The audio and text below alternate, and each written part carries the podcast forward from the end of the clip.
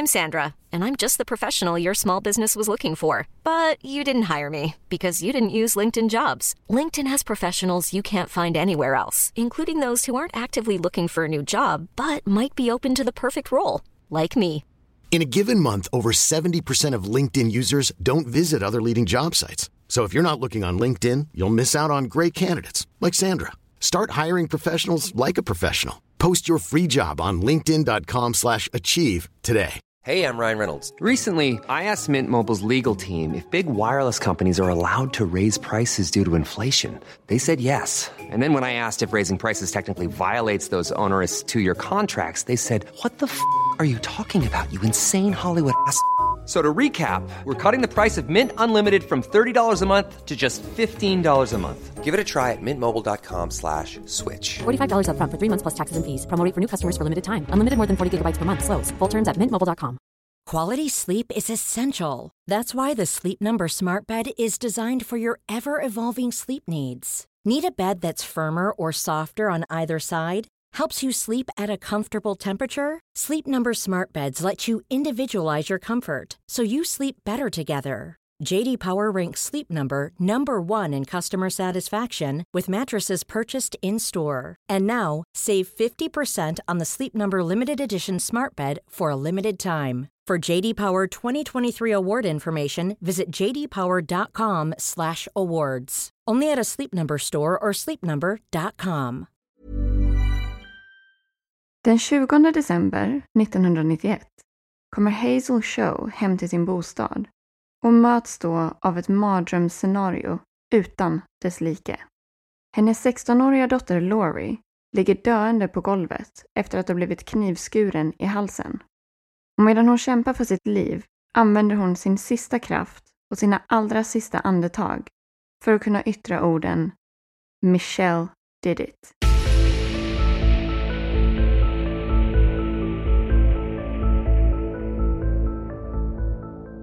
Hej alla våra underbara lyssnare! Nu känns det som att vi verkligen har hållit er på sträckbänken för ett nytt avsnitt. Men nu är det äntligen dags för avsnitt nummer nio.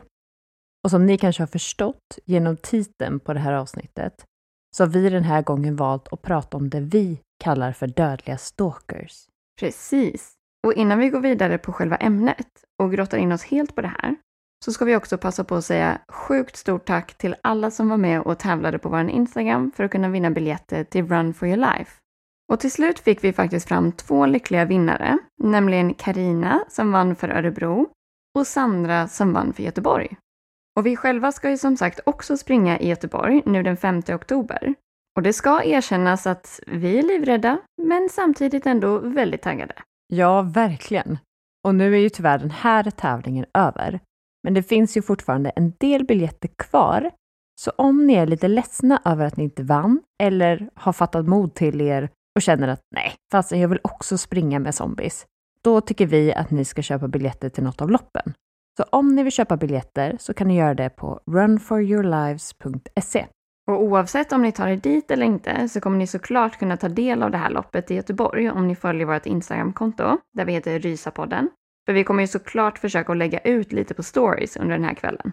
Men vi säger i alla fall stort tack igen till gänget på Run for your lives för att vi får chansen att bjuda med några av er härliga lyssnare på det här. Och nu tycker jag att vi lägger den här tävlingen bakom oss lite grann och hoppar tillbaka till ämnet för avsnitt nummer nio, dödliga stalkers. Och när det kommer till ordet stalker så känns det ibland idag som att det används väldigt löst och ledigt. Och ofta en ganska skämtsam benämning. Och det har ju framför allt blivit ett begrepp som idag är väldigt kopplat till just sociala medier och socialt beteende. Man kan ju höra att folk skämtsamt kallar någon för stalker om de kanske har ringt flera gånger under en kort tid eller kanske att man har likat flera av ens bilder på Instagram. Så man hör ju det här ordet så pass ofta att det ibland nästan kan kännas som att det har tappat sin betydelse och att man glömmer bort vad det här begreppet faktiskt står för. Men det är ju verkligen otroligt viktigt att komma ihåg att just stalking, eller olaga förföljelse som det heter på svenska, faktiskt är ett enormt samhällsproblem som också bör tas på väldigt stort allvar. Ja, absolut. Och som sagt så kallas olaga förföljelse ofta för stalking. Och det är ju det engelska ordet för det här. Men det finns också ett svenskt ord som är stalkning. Vi kommer att använda oss av stalking bara för att vi känner oss bekväma med att använda just det begreppet. kollar man på polisens egna hemsida så finns det en del beskrivningar av vad stalking innebär. Och jag tänkte att jag skulle läsa upp lite kort om det här innan vi går in mer på våra fall. Och det här är alltså information som vi har tagit från polisens hemsida om just olaga förföljelse eller stalking. Och det beskrivs där att stalking innebär att en gärningsman begår upprepade brottsliga handlingar mot en och samma person. Och de här handlingarna kan bland annat bestå av misshandel, olaga tvång, olaga hot, hemfridsbrott, ofredande, sexuellt ofredande, skadegörelse eller överträdelse av kontaktförbud. Och det räcker alltså inte med en av de här handlingarna vid ett tillfälle, utan det här behöver bli ett mönster. Det behöver ske vid upprepade tillfällen. Och kanske också att det är flera av de här handlingarna för att det ska räknas som stalking. Men stalking kan ju också innebära andra handlingar som personen som blir utsatt för dem kan uppfatta som störande eller kränkande eller rent utav skrämmande, men som kanske rent juridiskt inte är brottsligt. Stalking innebär ju också att man systematiskt förföljer, kartlägger och smyger sig på någon. Enligt Brottsförebyggande rådet så går det också att utläsa att det främst är kvinnor som blir utsatta för stalking av tidigare partners. Men det finns också andra utsatta grupper och det kan vara politiker, kändisar och myndighetspersoner. Och det här är ju som sagt bara särskilt utsatta grupper som jag nämner nu. Vem som helst kan ju bli utsatt för stalking. Ja, och vi har nog alla hört talas om en hel del olika fall där just kändisar och politiker har blivit utsatta för stalking. Och det finns ju olika kategoriseringar av stalkers utifrån vad det är som driver dem till det här beteendet och agerandet. Och i en artikel så har man intervjuat en kvinna vid namn Susanne Strand. Hon är eh, docent i kriminologi vid Örebro universitet och hon är en av Sveriges främsta experter inom stalking. Och hon säger i den här intervjun att det såklart är väldigt svårt att bedöma i enskilda fall vad det exakta motivet eller anledningen är, men att det absolut finns en viss typologi kopplad till fenomenet stalking. Och den här typologin, eller de här olika kategorierna av stalkers, har vi dessutom hittat lite olika benämningar på. Men innebörden av de här olika kategorierna är dock i stort sett densamma, så jag tänker att vi kan gå igenom dem lite kort här. Och den första typen av stalker brukar beskrivas som den avvisade eller den nobbade. Och det här är då personer som drivs av känslor som ilska, besvikelse och svartsjuka. De har ofta blivit avvisade av någon, kanske någon som de har bjudit ut eller en tidigare partner som har gjort slut. Och det här är en av de absolut vanligaste typerna av stalker.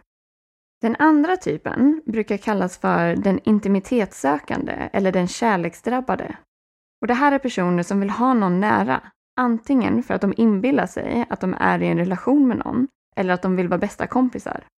Oavsett vad så är de säkra på att det verkligen är meningen att de ska vara i den här personens liv. Och de kan exempelvis ha fått för sig att de är i ett förhållande med någon som är känd. Och i de här fallen så finns det ibland en underliggande psykossjukdom hos den som stalkar.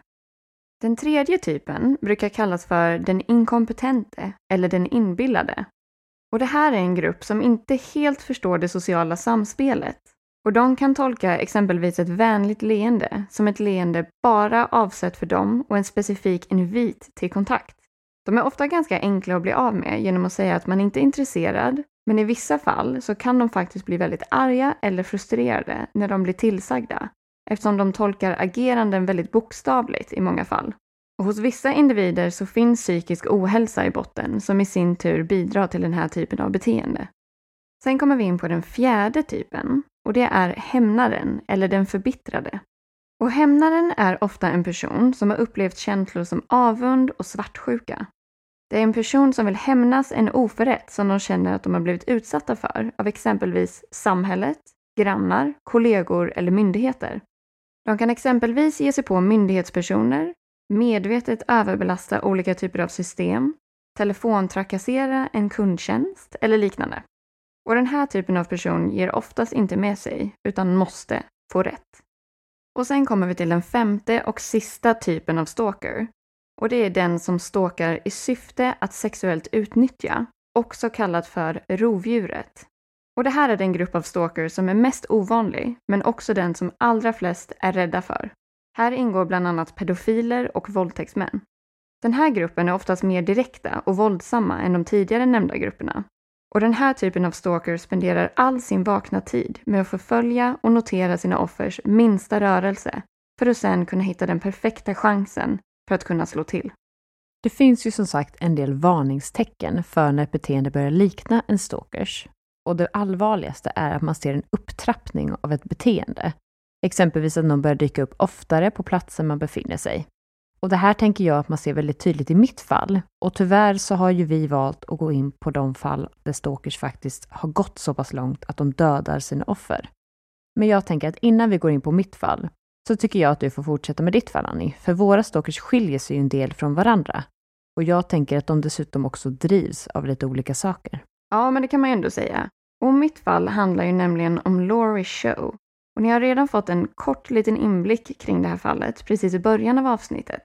Men den här 16-åriga tjejen blev alltså utsatt för ett extremt fall av stalking, trakasserier och otaliga hot av en annan tonårstjej.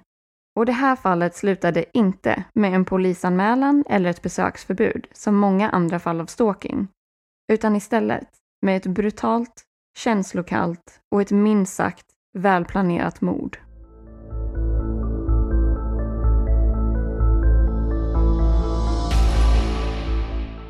Jag tänker att vi börjar med att hoppa tillbaka ganska exakt 28 år bakåt i tiden till år 1991 och till den lilla staden Lancaster i delstaten Pennsylvania i USA.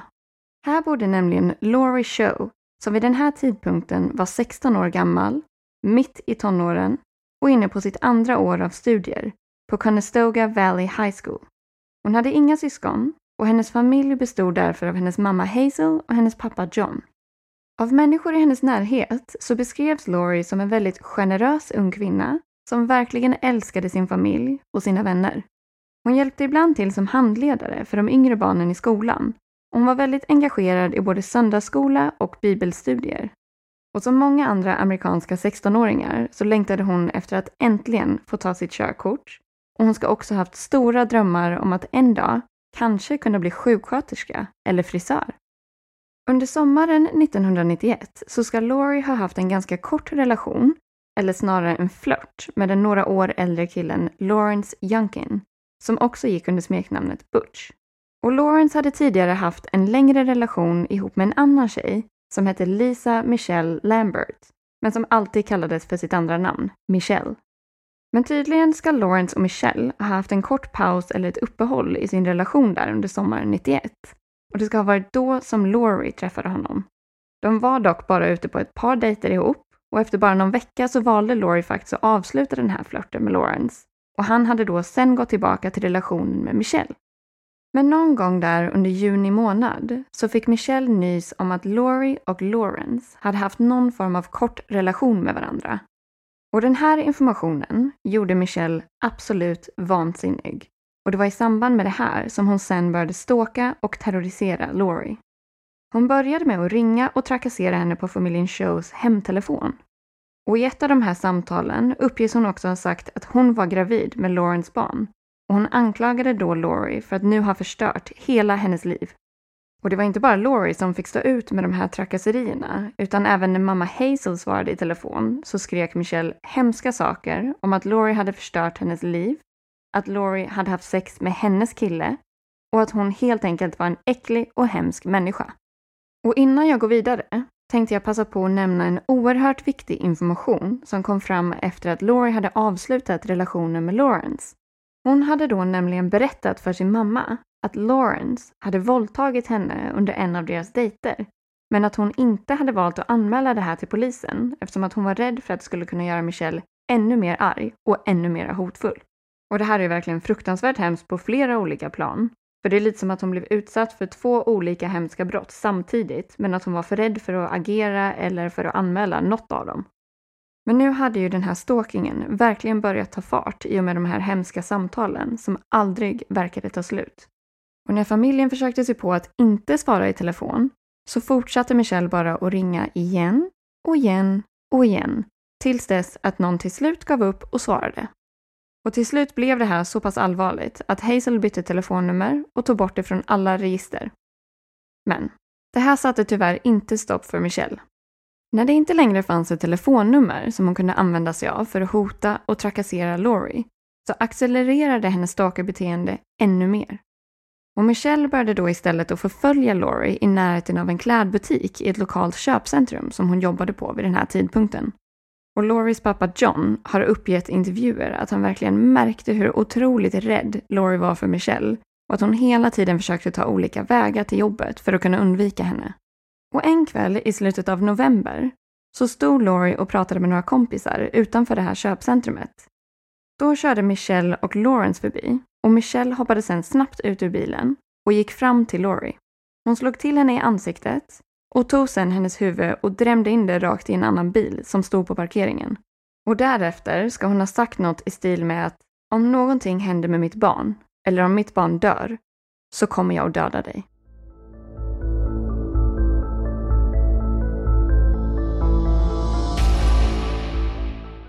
Efter den här incidenten så valde Laurie och Hazel att gå till polisen för att göra en anmälan om händelsen och om Michelle. Men dessvärre hände det inte så mycket just vid den här tidpunkten och polisen ska senare ha uppgett att de inte grep Michelle vid det här tillfället eftersom att de hade varit unable to locate her. Alltså att de inte hade kunnat hitta henne. Men det känns faktiskt lite oklart kring varför det här inte verkar ha tagits på största möjliga allvar. Och sen kan man såklart också spekulera kring hur pass mycket de faktiskt hade letat efter Michelle vid den här tidpunkten. Men i den här tidslinjen så är vi nu framme vid den 20 december 1991.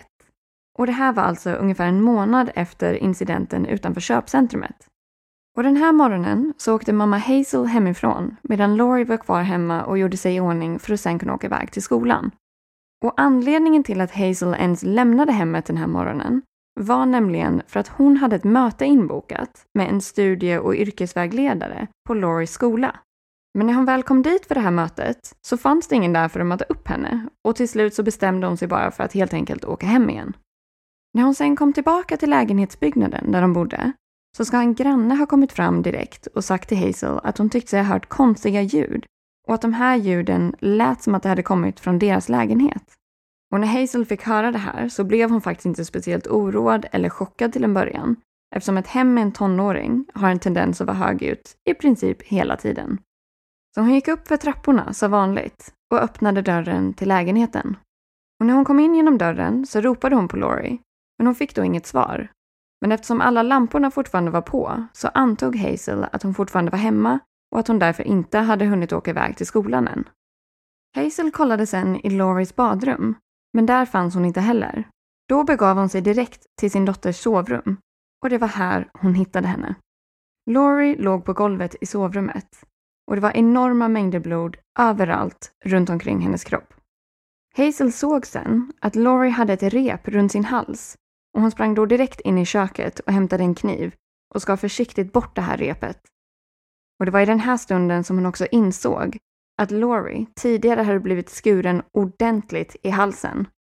Hon höll sen sin dotter i sina armar och enligt hennes egna ord så försökte hon då med all sin kraft hålla ihop henne och just det här citatet med att hon försökte “hold her together” är taget från en inspelad tv-intervju med Hazel.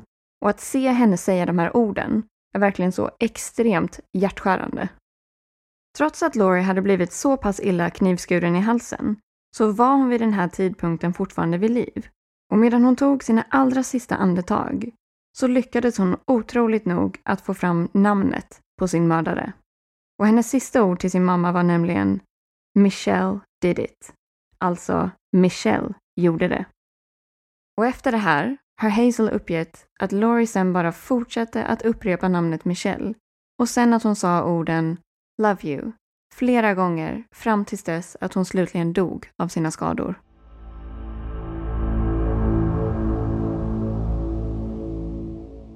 Och den huvudsakliga orsaken till Lauries död var just att hon hade blivit knivskuren i halsen men man noterade även andra skador senare.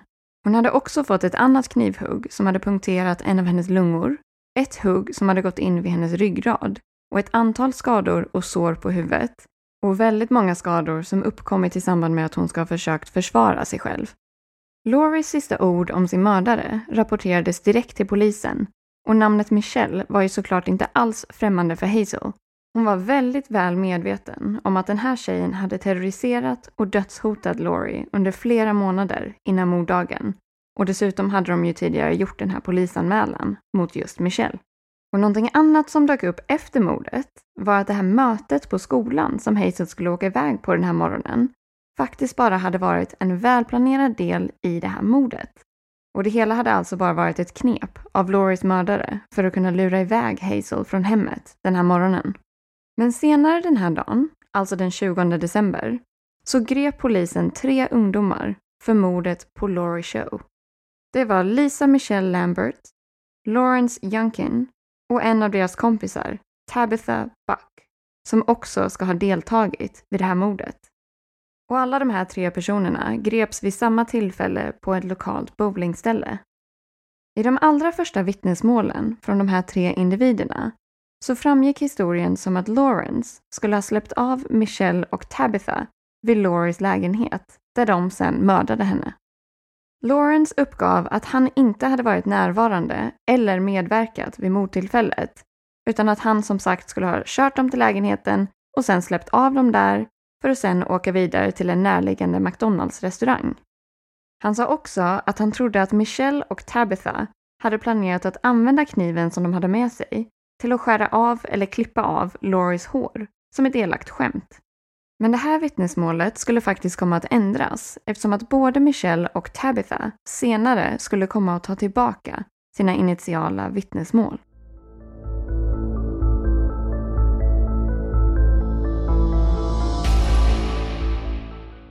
I slutändan åtalades ändå alla tre, alltså Lawrence, Michelle och Tabitha, för mordet på Laurie.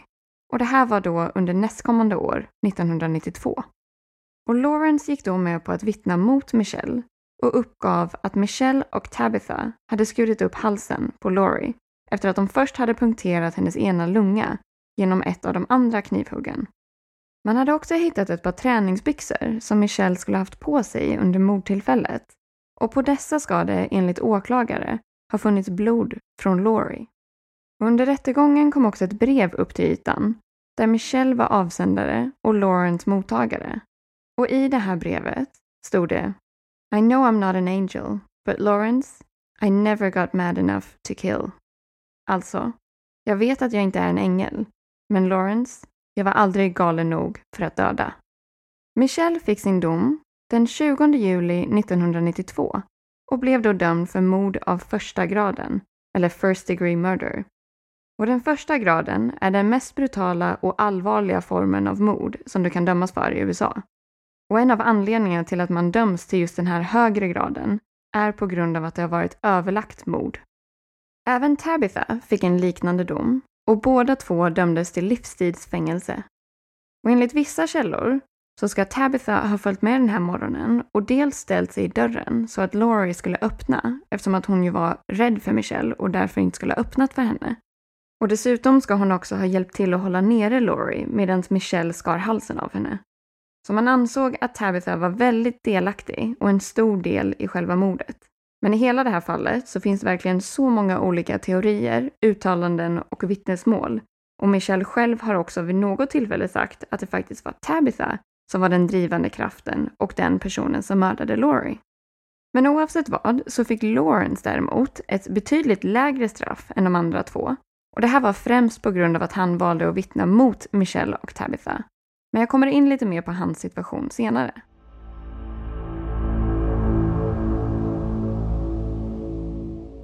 –1997 så överklagade Michelle sin tidigare dom från 92 och fick då en ny rättegång hennes försvarsadvokater hävdade då att det fanns ett flertal brister gällande bevisföringen och vittnesmålen i den tidigare rättegången och att Michelle var oskyldig.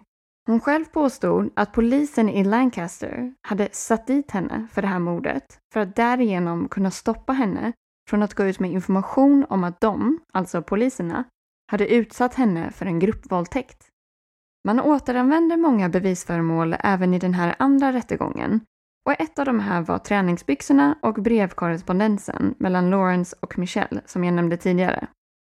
Och i samband med den här andra rättegången, i april 1997, så valde domaren Stuart Dalzell att upphäva domen mot Michelle för mordet på Laurie.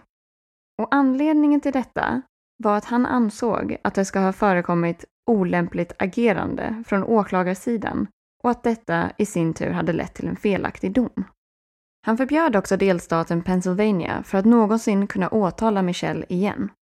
Men Michelle fick inte vara en fri kvinna speciellt länge, för i januari 1998 så blev den här domarens beslut överklagat och det hela slutade med att man återigen fängslade Michelle.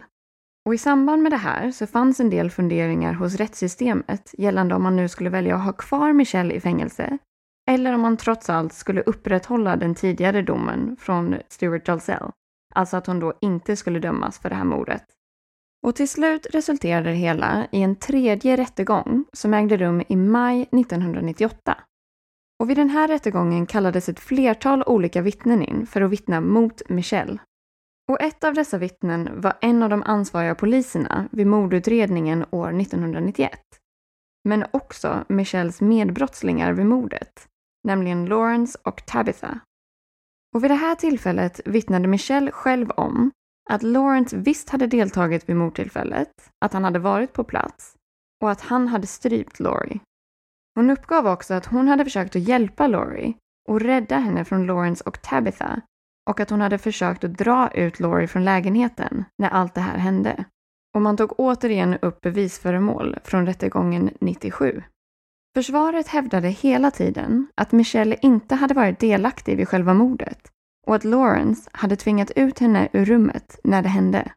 Och anledningen till att hon då ska ha följt alla hans order ska ha varit på grund av att hon varit totalt nedbruten av honom eftersom att han hade varit våldsam mot henne i deras relation och att hon ska ha lidit av så kallat battered woman syndrome.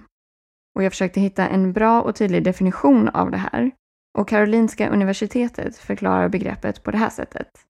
Kvinnor som utsätts för upprepat fysiskt eller psykiskt våld, oftast utövat av make eller annan dominant mansperson.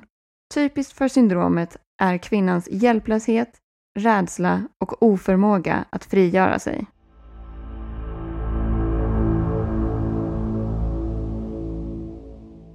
En av Michelles tidigare pojkvänner vittnade om att han hade sett Lawrence slänga in Michelle i ett rum vid ett tillfälle och sen skrika åt henne där inne.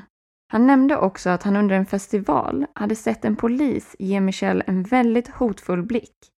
Och den här polisen ska då ha matchat beskrivningen som angetts av Michelle tidigare när hon hade uppgett att den lokala polisen hade utsatt henne för en gruppvåldtäkt. Michelles försvarsadvokater presenterade också korrespondens mellan henne och Lawrence som enligt dem var bevis för att Michelle inte hade varit inblandad i mordet och att Lawrence hade bett henne att ljuga för honom. Och en annan sak som togs upp av Michelles försvar var huruvida Laurie ens borde ha kunnat prata med sin mamma när hon hade blivit knivskuren i halsen. Och de påstod då istället att hon ska ha kommunicerat med sin mamma genom att på något vis ha skrivit sina mördares initialer i sitt eget blod på brottsplatsen och att allting då istället skulle ha pekat på Lawrence och Tabitha. De här anklagelserna nekades då av Tabitha som vittnade om att Michelle visst hade varit med och aktivt deltagit i mordet på Laurie. Dessutom ska hon ha sagt åt Tabitha innan mordet att hon skulle se till att sätta upp sitt hår och inte ha på sig något smink eller nagellack. Flera andra vittnesmål och bevis mot Michelle fördes fram under den här rättegången och expertutredare från brottsplatsen vittnade också om att det inte fanns några som helst spår av att Laurie skulle ha skrivit sina mördares initialer i sitt eget blod. Och utöver det så ansåg de också att annat material och bevisföremål som man hade hittat på brottsplatsen helt enkelt inte stämde överens med Michelles egen utsaga och alla de detaljer som hon hade tagit upp i sitt vittnesmål. Och i augusti 1998 så presenterades domen som innebar att man hade beslutat att återupprätta den tidigare domen mot Michelle och att hon återigen skulle anses skyldig till mord av första graden.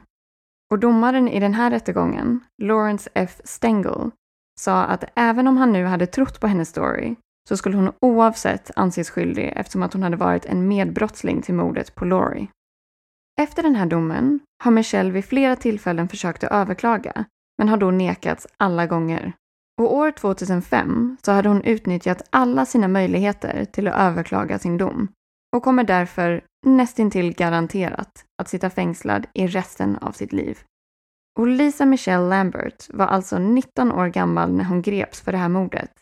Och idag är hon 47 år gammal. Och när hon greps så var hon ju faktiskt också gravid med hennes och Laurens barn. Och ett par månader efter gripandet så födde hon deras dotter i fängelset. Och vårdnaden för det här barnet gick då till Michelles föräldrar.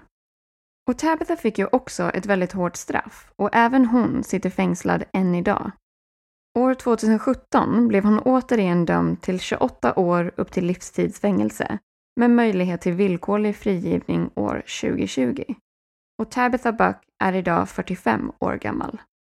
Och sen har vi då Lawrence och som jag nämnde innan så kom ju han undan med ett betydligt lägre straff i och med att han valde att vittna mot Michelle och Tabitha.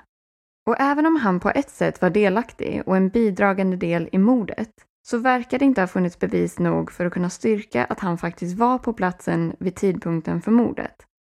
Och han blev faktiskt frisläppt år 2003 och han är därför idag ute och fri. Och Lawrence Youngkin är idag 48 år gammal.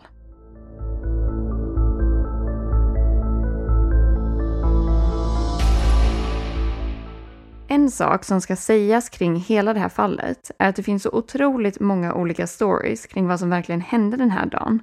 Och speciellt med tanke på att alla tre misstänkta vid flertalet tillfällen har ändrat sin utsaga, sina uttalanden och sina vittnesmål. Så den riktiga sanningen om vad som faktiskt hände den här dagen, 20 december 1991, kommer vi nog tyvärr aldrig att få veta. I det här fallet så ligger det väldigt mycket fokus och uppmärksamhet på de tre personer som på ett eller annat vis varit delaktiga i det här mordet.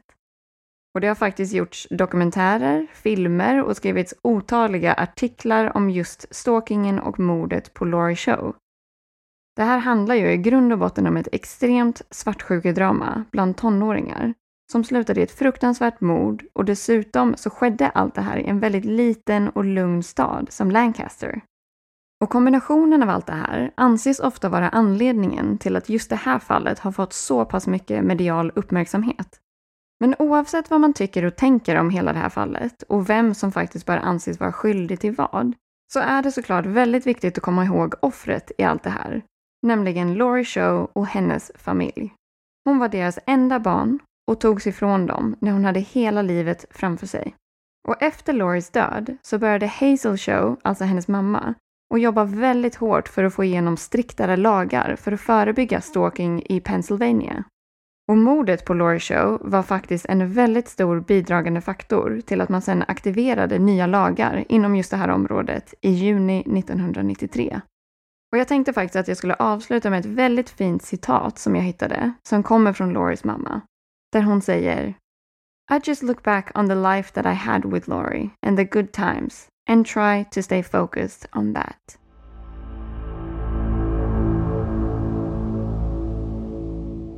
Jag tror faktiskt inte en sekund på att hon inte var delaktig i det här mordet. Jag tycker dessutom, utifrån de bilder och videos som du har visat mig, Annie, att när man har intervjuat henne så uppfattas hon som väldigt opåverkad och överlag ganska likgiltig till allt det här. Ja, men jag tyckte faktiskt också det när jag såg henne prata om allting som hade hänt. Och det känns som att de allra flesta personerna känner så här. Men samtidigt läste jag också om några individer som är helt övertygade om att hon inte alls är skyldig och att hon har blivit felaktigt dömd. Men Lauries föräldrar är i alla fall helt övertygade om att det var Michelle som mördade deras dotter. Och framförallt då på grund av att hon faktiskt sa orden Michelle did it till sin mamma innan hon dog. Ja, det känns som en ganska tung bit av bevis faktiskt. Och skulle jag nu ge mig på en gissning så skulle jag klassa Michelle som en hämnare. Och det är ju bara för att det känns som en tjej som har drivits av svartsjuka och en vilja att hämnas. Och jag gissar ju verkligen bara, det är ingen expert som pratar. Mm, jag tänker lite likadant faktiskt. Men jag har ju förstått att du har en helt annan typ av stalker att prata om. Ja, precis. För mitt fall handlar ju om stalkingen av och mordet på 19-åriga Shana Grice. I augusti 2016 så mördades hon av 27-åriga Michael Lane som hade förföljt och trakasserat henne i flera månader.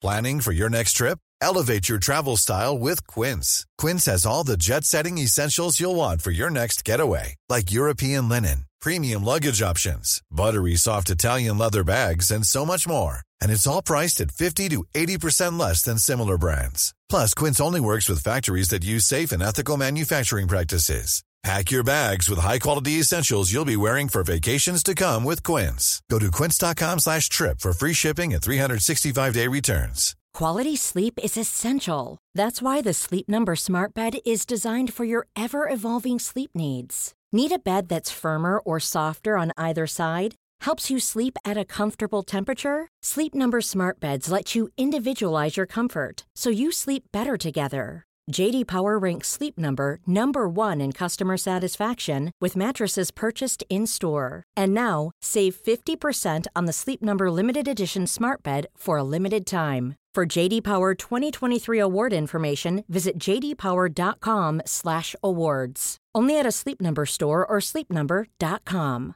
Cool fact a crocodile can't stick out its tongue. Also, you can get health insurance for a month or just under a year in some states. United Healthcare short term insurance plans, underwritten by Golden Rule Insurance Company, offer flexible, budget friendly coverage for you. Learn more at uh1.com. Shana var ensambarn och kom från Portslade som ligger strax utanför Brighton i England. Hon hade ett stort nätverk av familj och vänner och hennes familj beskriver henne som vacker, intelligent, bubblig och en omtänksam ung kvinna. Hon var entusiastisk, alltid glad och full av energi. Hon hade sedan hon var liten haft lätt för att skaffa vänner och hennes positiva och glada sätt gjorde att hon lätt skapade relationer med folk i sin omgivning. Shana var mogen och ansvarsfull och började jobba direkt efter att hon tagit examen. Hon var envis och bestämd och hade hon bestämt sig för någonting, då genomförde hon det. Hon tog bland annat sitt körkort på första försöket. Hon sparade sina pengar och köpte en egen bil. Hon var självständig och framgångsrik. I slutet av 2015 så har Shana precis fått ett nytt jobb som receptionist på företaget Brighton Fire Alarms. I början av 2016 så flyttade hon hemifrån och bodde då i ett hus i Brighton tillsammans med två jobbarkompisar som hette Angela och Emma. Shana var oerhört glad över sin situation. Äntligen hade hon ett bra, stabilt jobb och hon kunde börja spara pengar till sitt bröllop som hon skulle ha med sin pojkvän Ashley Cook, även kallad Ash. Shana och Ash hade varit ett par sedan 2013 och Shana hade även planer med sin familj att de på hennes 21-årsdag, alltså 2018, skulle åka tillsammans till New York för att fira.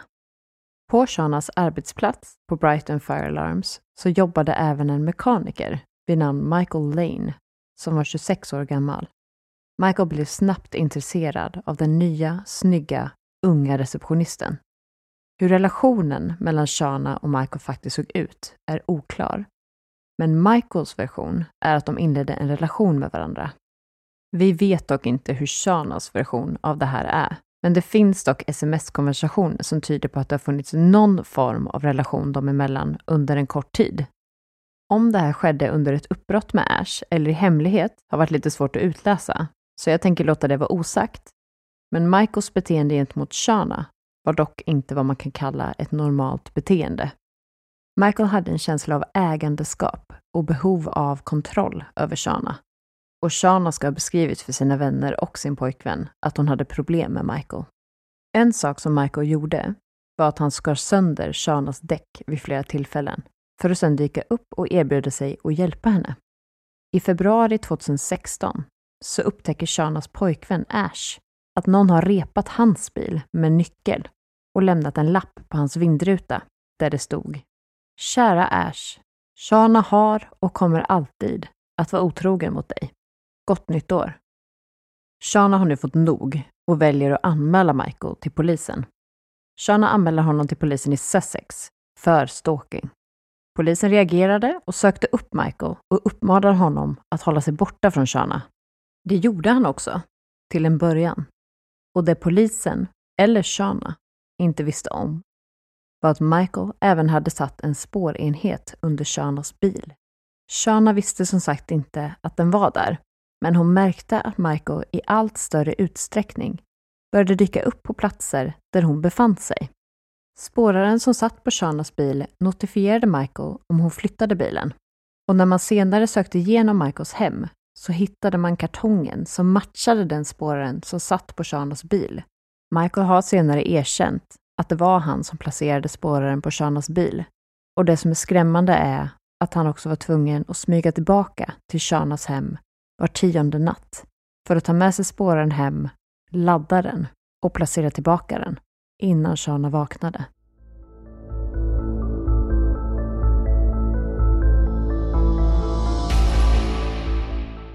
Den 24 mars 2016 så gick Shana och hennes vänner på en avskedsfest för en person som skulle sluta på deras jobb. Emma, en av Shanas rumskompisar, pratade då med Michael som visade henne sms från Shana som tydde på att de faktiskt var eller hade varit i en relation. Shana hade lämnat festen tidigare, men när Emma och Angela lämnade festen och gick hem så hade de med sig Michael. Och när de kom tillbaka till huset som de delade med Shana så mötte de upp henne. De ifrågasatte då Shana och vilken relation hon hade haft med Michael. Shana valde att lämna hemmet och gick ut på gatan. Där började Michael jaga ifatt henne. Han tog hennes telefon och drog henne i håret. Shana gjorde återigen en anmälan hos polisen, men när polisen kontaktade Michael så visade han dem de här intima smsen mellan honom och Shana som han ansåg vara bevis på att han och Shana var i en relation. Det här leder till att polisen tar ett beslut som i efterhand har diskuterats och bedöms ha lett till stora konsekvenser för Shana. Polisen beslutar att eftersom Shana inte hade sagt till dem att hon och Michael hade haft någon form av av och på-relation så var det Shana, inte Michael, som borde straffas. Shana fick därför betala 90 pund i böter för att ha slösat med polisens tid. Och Michael, som arresterades för överfall, släpptes utan böter. Det här ledde, enligt domaren i den senare rättegången, till tre stora konsekvenser. För det första så skulle hennes framtida anmälningar mötas med en skepsis. För det andra skulle det vara mindre sannolikt att Shana anmälde kommande trakasserier utifrån rädsla att möta samma reaktion. Och för det tredje så gav det Michael en känsla av att han är oövervinnlig och kan fortsätta sin stalking gentemot Shana. Eftersom Shana vid det här laget var livrädd för Michael så gjorde hon upp ett system med sina vänner och sin familj som innebar att om ingen hade hört från henne under ett visst antal timmar så skulle de börja ringa runt till varandra. Dessutom så visste ju Shana nu att Michael hade sparat deras privata sms-konversationer och inte var rädd för att använda dem eftersom han hade visat dem för polisen. Shana var rädd för att andra skulle få se dem. Shana väljer också att säga upp sig från sitt jobb på Brighton Fire Alarms. Trots allt det här så fanns det fortfarande viss kontakt kvar mellan Michael och Shana och man vet inte riktigt varför. Under rättegången som senare ägde rum så beskrevs deras relation som komplex och att Shana både kände en oro över Michaels beteende men samtidigt eventuellt kände en dragning till honom.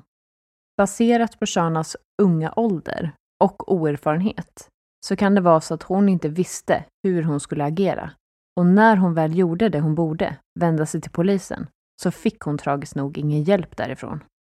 Det finns också ganska många som tror att Shana var rädd för att Michael skulle ta sitt liv om hon avslutade kontakten med honom. I juli 2016 så bestämde sig dock Shana för att nu fick det vara nog. Hon skulle leva med sin pojkvän Ash och Michael skulle ut ur hennes liv. Michael fick till sig att han skulle hämta de små saker som han hade hemma hos Shana, vilket han också gjorde. Det Shana inte visste var att Michael, när han var där, tog nyckeln till hennes bakdörr. Morgonen därefter så vaknar Shana av att hon hör fotsteg i trappan som leder upp till hennes sovrum. Hon hör hur handtaget till hennes sovrum vrids om och hur någon står i hennes rum och andas tungt. Hon låtsas sova och gömmer sig under sitt täcke. När personen lämnat rummet så kollar Shana ut genom sitt fönster och ser Michael lämna hennes hem.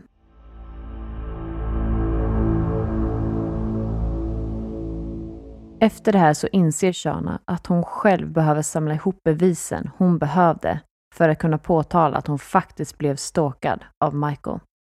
Shana spelade därför in samtal med Michael där hon går på honom om varför han oinbjuden gått in i hennes hem. I samtalet så hör man henne säga att han måste söka hjälp och att han hade kunnat göra vad som helst när han gick in i hennes rum sådär. Jag tänkte att innan vi går vidare så skulle vi kunna spela upp en kort del av det samtalet som Shana spelade in med Michael. Det är ganska svårt att höra vad Michael säger under samtalet, men vi skulle kunna dela det tillsammans med en annan del på Facebook sen. Men här kommer alltså en kort del av samtalet mellan Michael och Shana.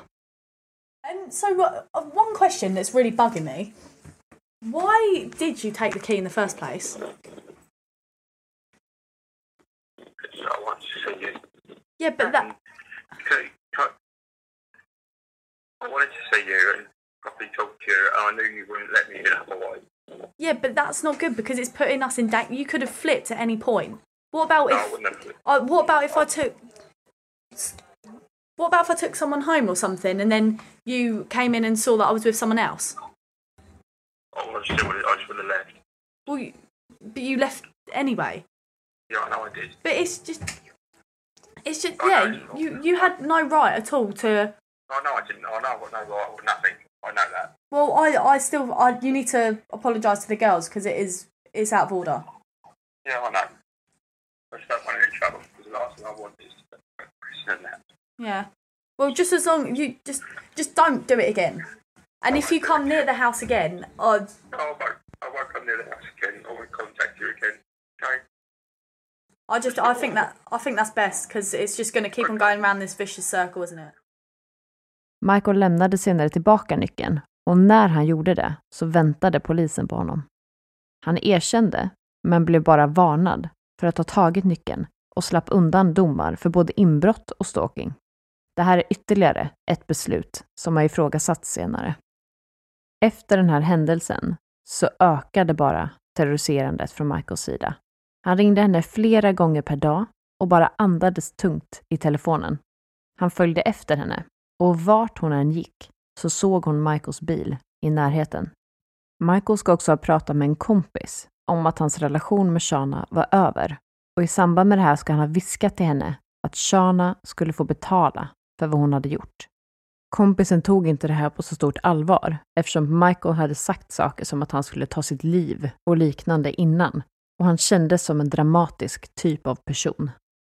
12 juli så anmälde Shana igen att hon blev förföljd, men polisen bedömde det som låg risk och sa att man skulle notera det. Inget mer hände. Första veckan i augusti så skickade Michael ett brev till Shana där han krävde henne på ett par hundra pund som han påstod att hon var skyldig honom. Det här var pengar som han ville ha för att de hade ätit ute tillsammans, han skulle ha betalat bensin, köpt parfym och kläder till henne och så vidare. Shana försökte att hantera situationen med Michael, bland annat genom att vid flera tillfällen träffa honom och försöka diskutera. Shana ska ha sagt till en kompis att efter allt som hade hänt så vill hon inte anmäla Michael till polisen igen, för att polisen skulle tycka att hon överdrev. Michael sågs under augusti månad vid Shanas hem flera gånger. Ash konfronterade honom vid ett av de här tillfällena och Michael sa då att han hade all rätt att vara där han var.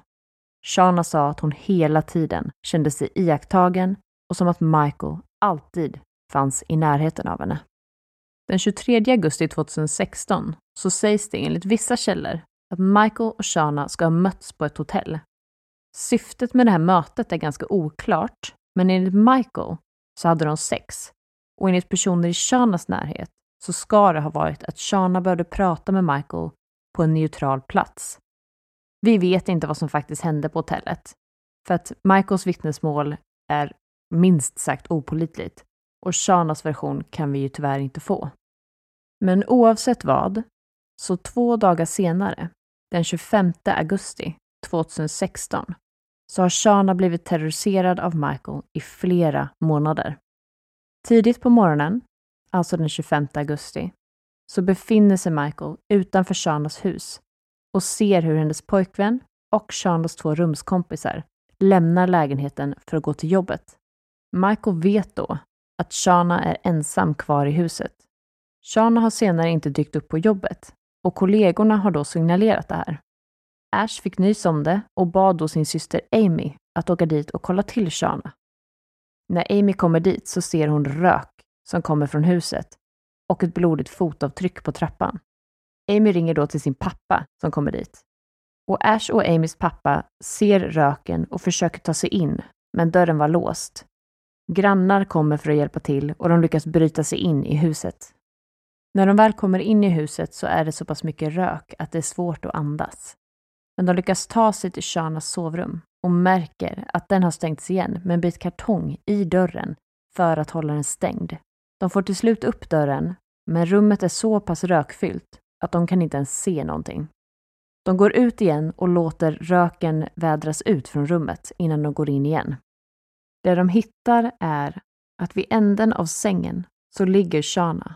Hon ligger med ansiktet neråt, med armarna på sidorna. Ambulanspersonalen sa att på brottsplatsen så fanns det flera blodiga fotspår. Man kunde också se att mattan och sängen hade blivit dränkt i någon form av antändningsbar vätska. Och det här var ju då för att elda upp sängen och dölja mordet. Kroppen låg på sängen med ansiktet neråt. Huvudet låg utanför sängen, hängandes neråt.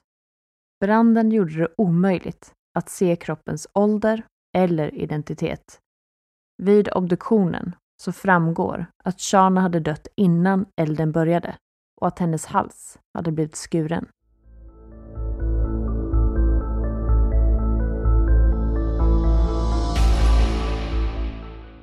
När man senare undersökte Shanas kläder så fann man Michaels DNA.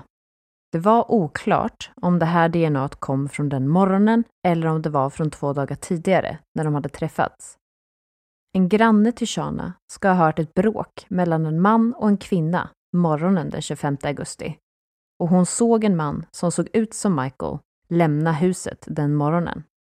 Michael arresterades samma dag och nekade allt. Han blev släppt mot borgen, men häktades igen två dagar senare. Michael ändrade sin historia flera gånger under förhören. Han ändrade varje gång han möttes av fakta han inte kunde motbevisa. Han förhördes och nekade vid sex tillfällen till att han skulle ha sett henne på morddagen. Men vid sjunde förhöret, den 2 september 2016, så ändrar han sin utsaga igen och säger då att han hade sett henne den dagen.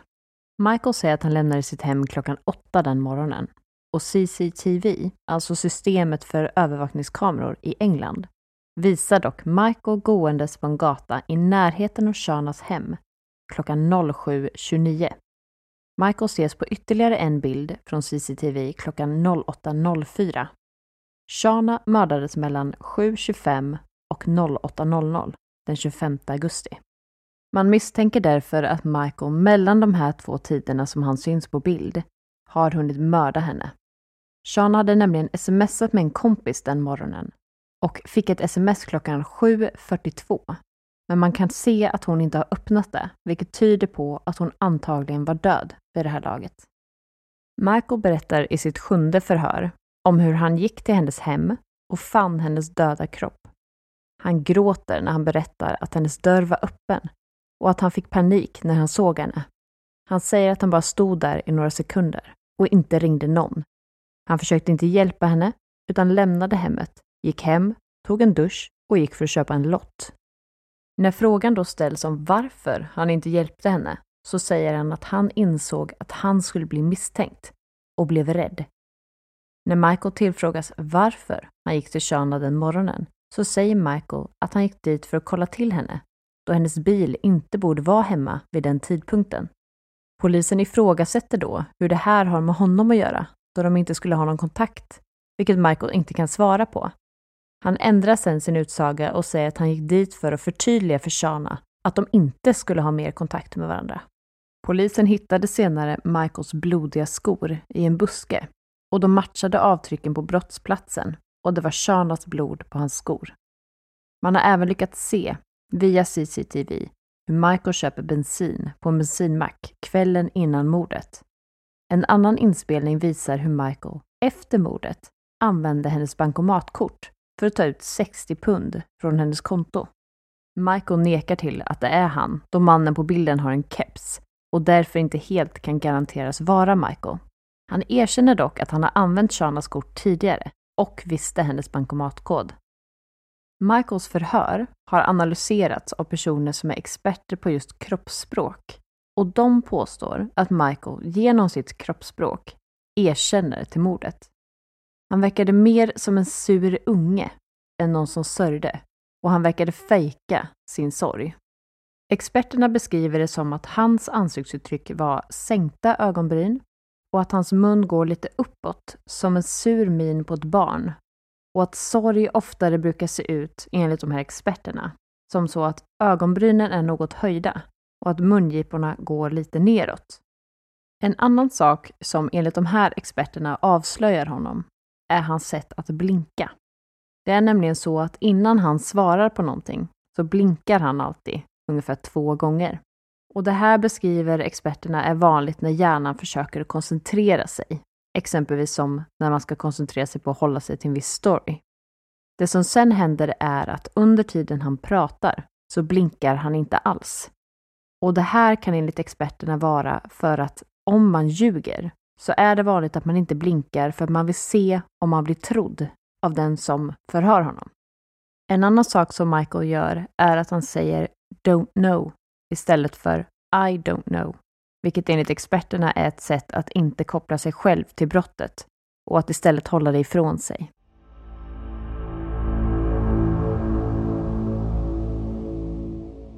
I mars 2017 så dömdes Michael för mordet på Shana. Och det här trots att han själv inte har erkänt sig skyldig till mordet. Han erkänner dock att han har ståkat henne. Juryn kom tillbaka med en dom efter två timmar och 20 minuter. Han var skyldig till mordet och dömdes till att sitta i fängelse i minst 25 år. Domaren, Sir Nicholas Green, sa till Michael att det här var ett känslokallt mord. Jag har inte sett någon insikt hos dig i vilken skada du har åsamkat. Och jag har inte heller sett någon ånger. Den enda känsla som jag har noterat hos dig har handlat om att göra allt du kan för att skydda dig själv. Och du är den enda som du har tyckt synd om. Domaren hade även ett par väl valda ord till Sussex-polisen och sa det tycks inte ha funnits någon form av medvetenhet från de som undersökte de här anklagelserna att en ung kvinna i en sexuell relation med en man samtidigt skulle kunna vara sårbar och i risk att utsättas för allvarlig skada. Polisen drog snabba slutsatser och Shana blev sedd som en stereotyp. När Shana sen blev utsatt för ytterligare förföljelse så väljer hon att inte gå till polisen eftersom hon inte kände att hon togs på allvar. Shanas mamma Sharon och styvpappa Richard sa att de var nöjda över domen, men sa också att de var övertygade om att Shana hade varit vid liv idag om Sussexpolisen hade agerat och skyddat Shana vid de flertalet tillfällen då hon anmälde brott istället för att ha bötfällt henne för att ha slösat deras tid. Polisen bad om ursäkt till familjen och det blev en intern utredning inom polisen. De har också själv erkänt att de inte gjorde det bästa de kunde. Det framkom senare att Michael ska ha terroriserat och ståkat cirka 13 andra kvinnor. En av de här kvinnorna ska ha blivit terroriserad av Michael till och från under tio års tid. Första gången hon träffade honom var under ett läger när hon var tio år gammal och han var 17. Han brukade då erbjuda henne skjuts och hon tyckte att han kollade konstigt på henne.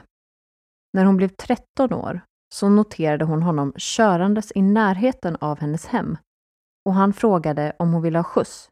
Det här hände vid flera tillfällen och hon sa nej.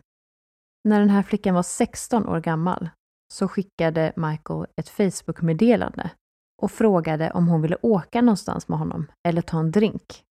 Hon valde att blocka honom. Sex månader senare så skickades en Snapchat-förfrågan med en ursäkt för att ha skrämt henne. Michael ska också ha erbjudit henne pengar för sex.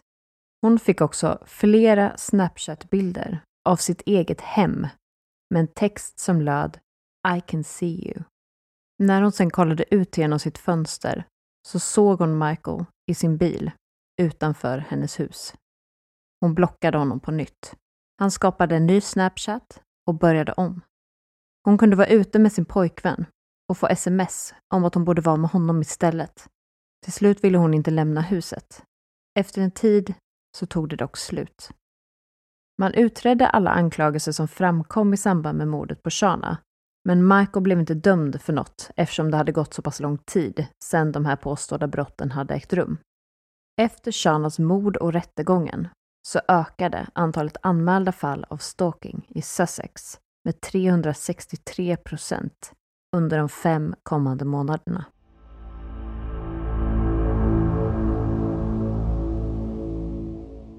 Alltså det måste vara så extremt otäckt att känna så som Shana gjorde och faktiskt be om hjälp men att inte få det. Man måste verkligen känna sig så himla frustrerad och arg på ett sätt och på samma gång så oerhört maktlös och såklart också livrädd. Ja, och tyvärr är det ju precis det som är stalking. Och även om det inte är ett nytt fenomen så är det ju kanske inte förrän under senare år som det faktiskt har uppmärksammats och blivit, inom situationstecken, ett riktigt brott. När jag gjorde min research så läste jag att cirka en av fem kvinnor och en av tio män drabbas av stalking någon gång i sina liv. En av fem är verkligen helt galen statistik och så sjukt obehagligt att det finns så många människor där ute som blir utsatta för den här typen av brott. Men jag tror faktiskt helt ärligt att man ganska så lätt viftar bort de här beteendena och tänker att nej, men det är ju bara jag själv som är nojig eller jag är till och med larvig och att man då väljer att inte anmäla till polisen. Men det är ju så oerhört viktigt att faktiskt lita på sin magkänsla i sådana här situationer och framförallt också att ta sig själv och sin egen situation och säkerhet på största allvar. Ja, så är det ju verkligen. Och det är ju någonting som alltid är bra att bli påmind om.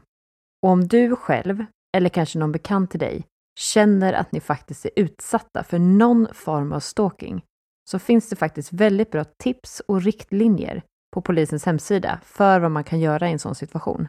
Och jag tänker att vi kan ju länka till den sidan på vår Facebook också. Mm, det tycker jag verkligen. Men om man bara får skicka med ett av de här tipsen från polisen så skulle jag säga att det är att man ska prata om vad man upplever och flagga för sin omgivning att man faktiskt känner sig utsatt. Och man är aldrig larvig. Magkänslan ska man aldrig underskatta, varken i sådana här mer allvarliga situationer eller i vardagen. Men nu börjar det faktiskt tråkigt nog bli dags för oss att börja runda av det här avsnittet. Och som alltid vill vi skicka med ett stort, stort tack för att just du har lyssnat på Risa-podden.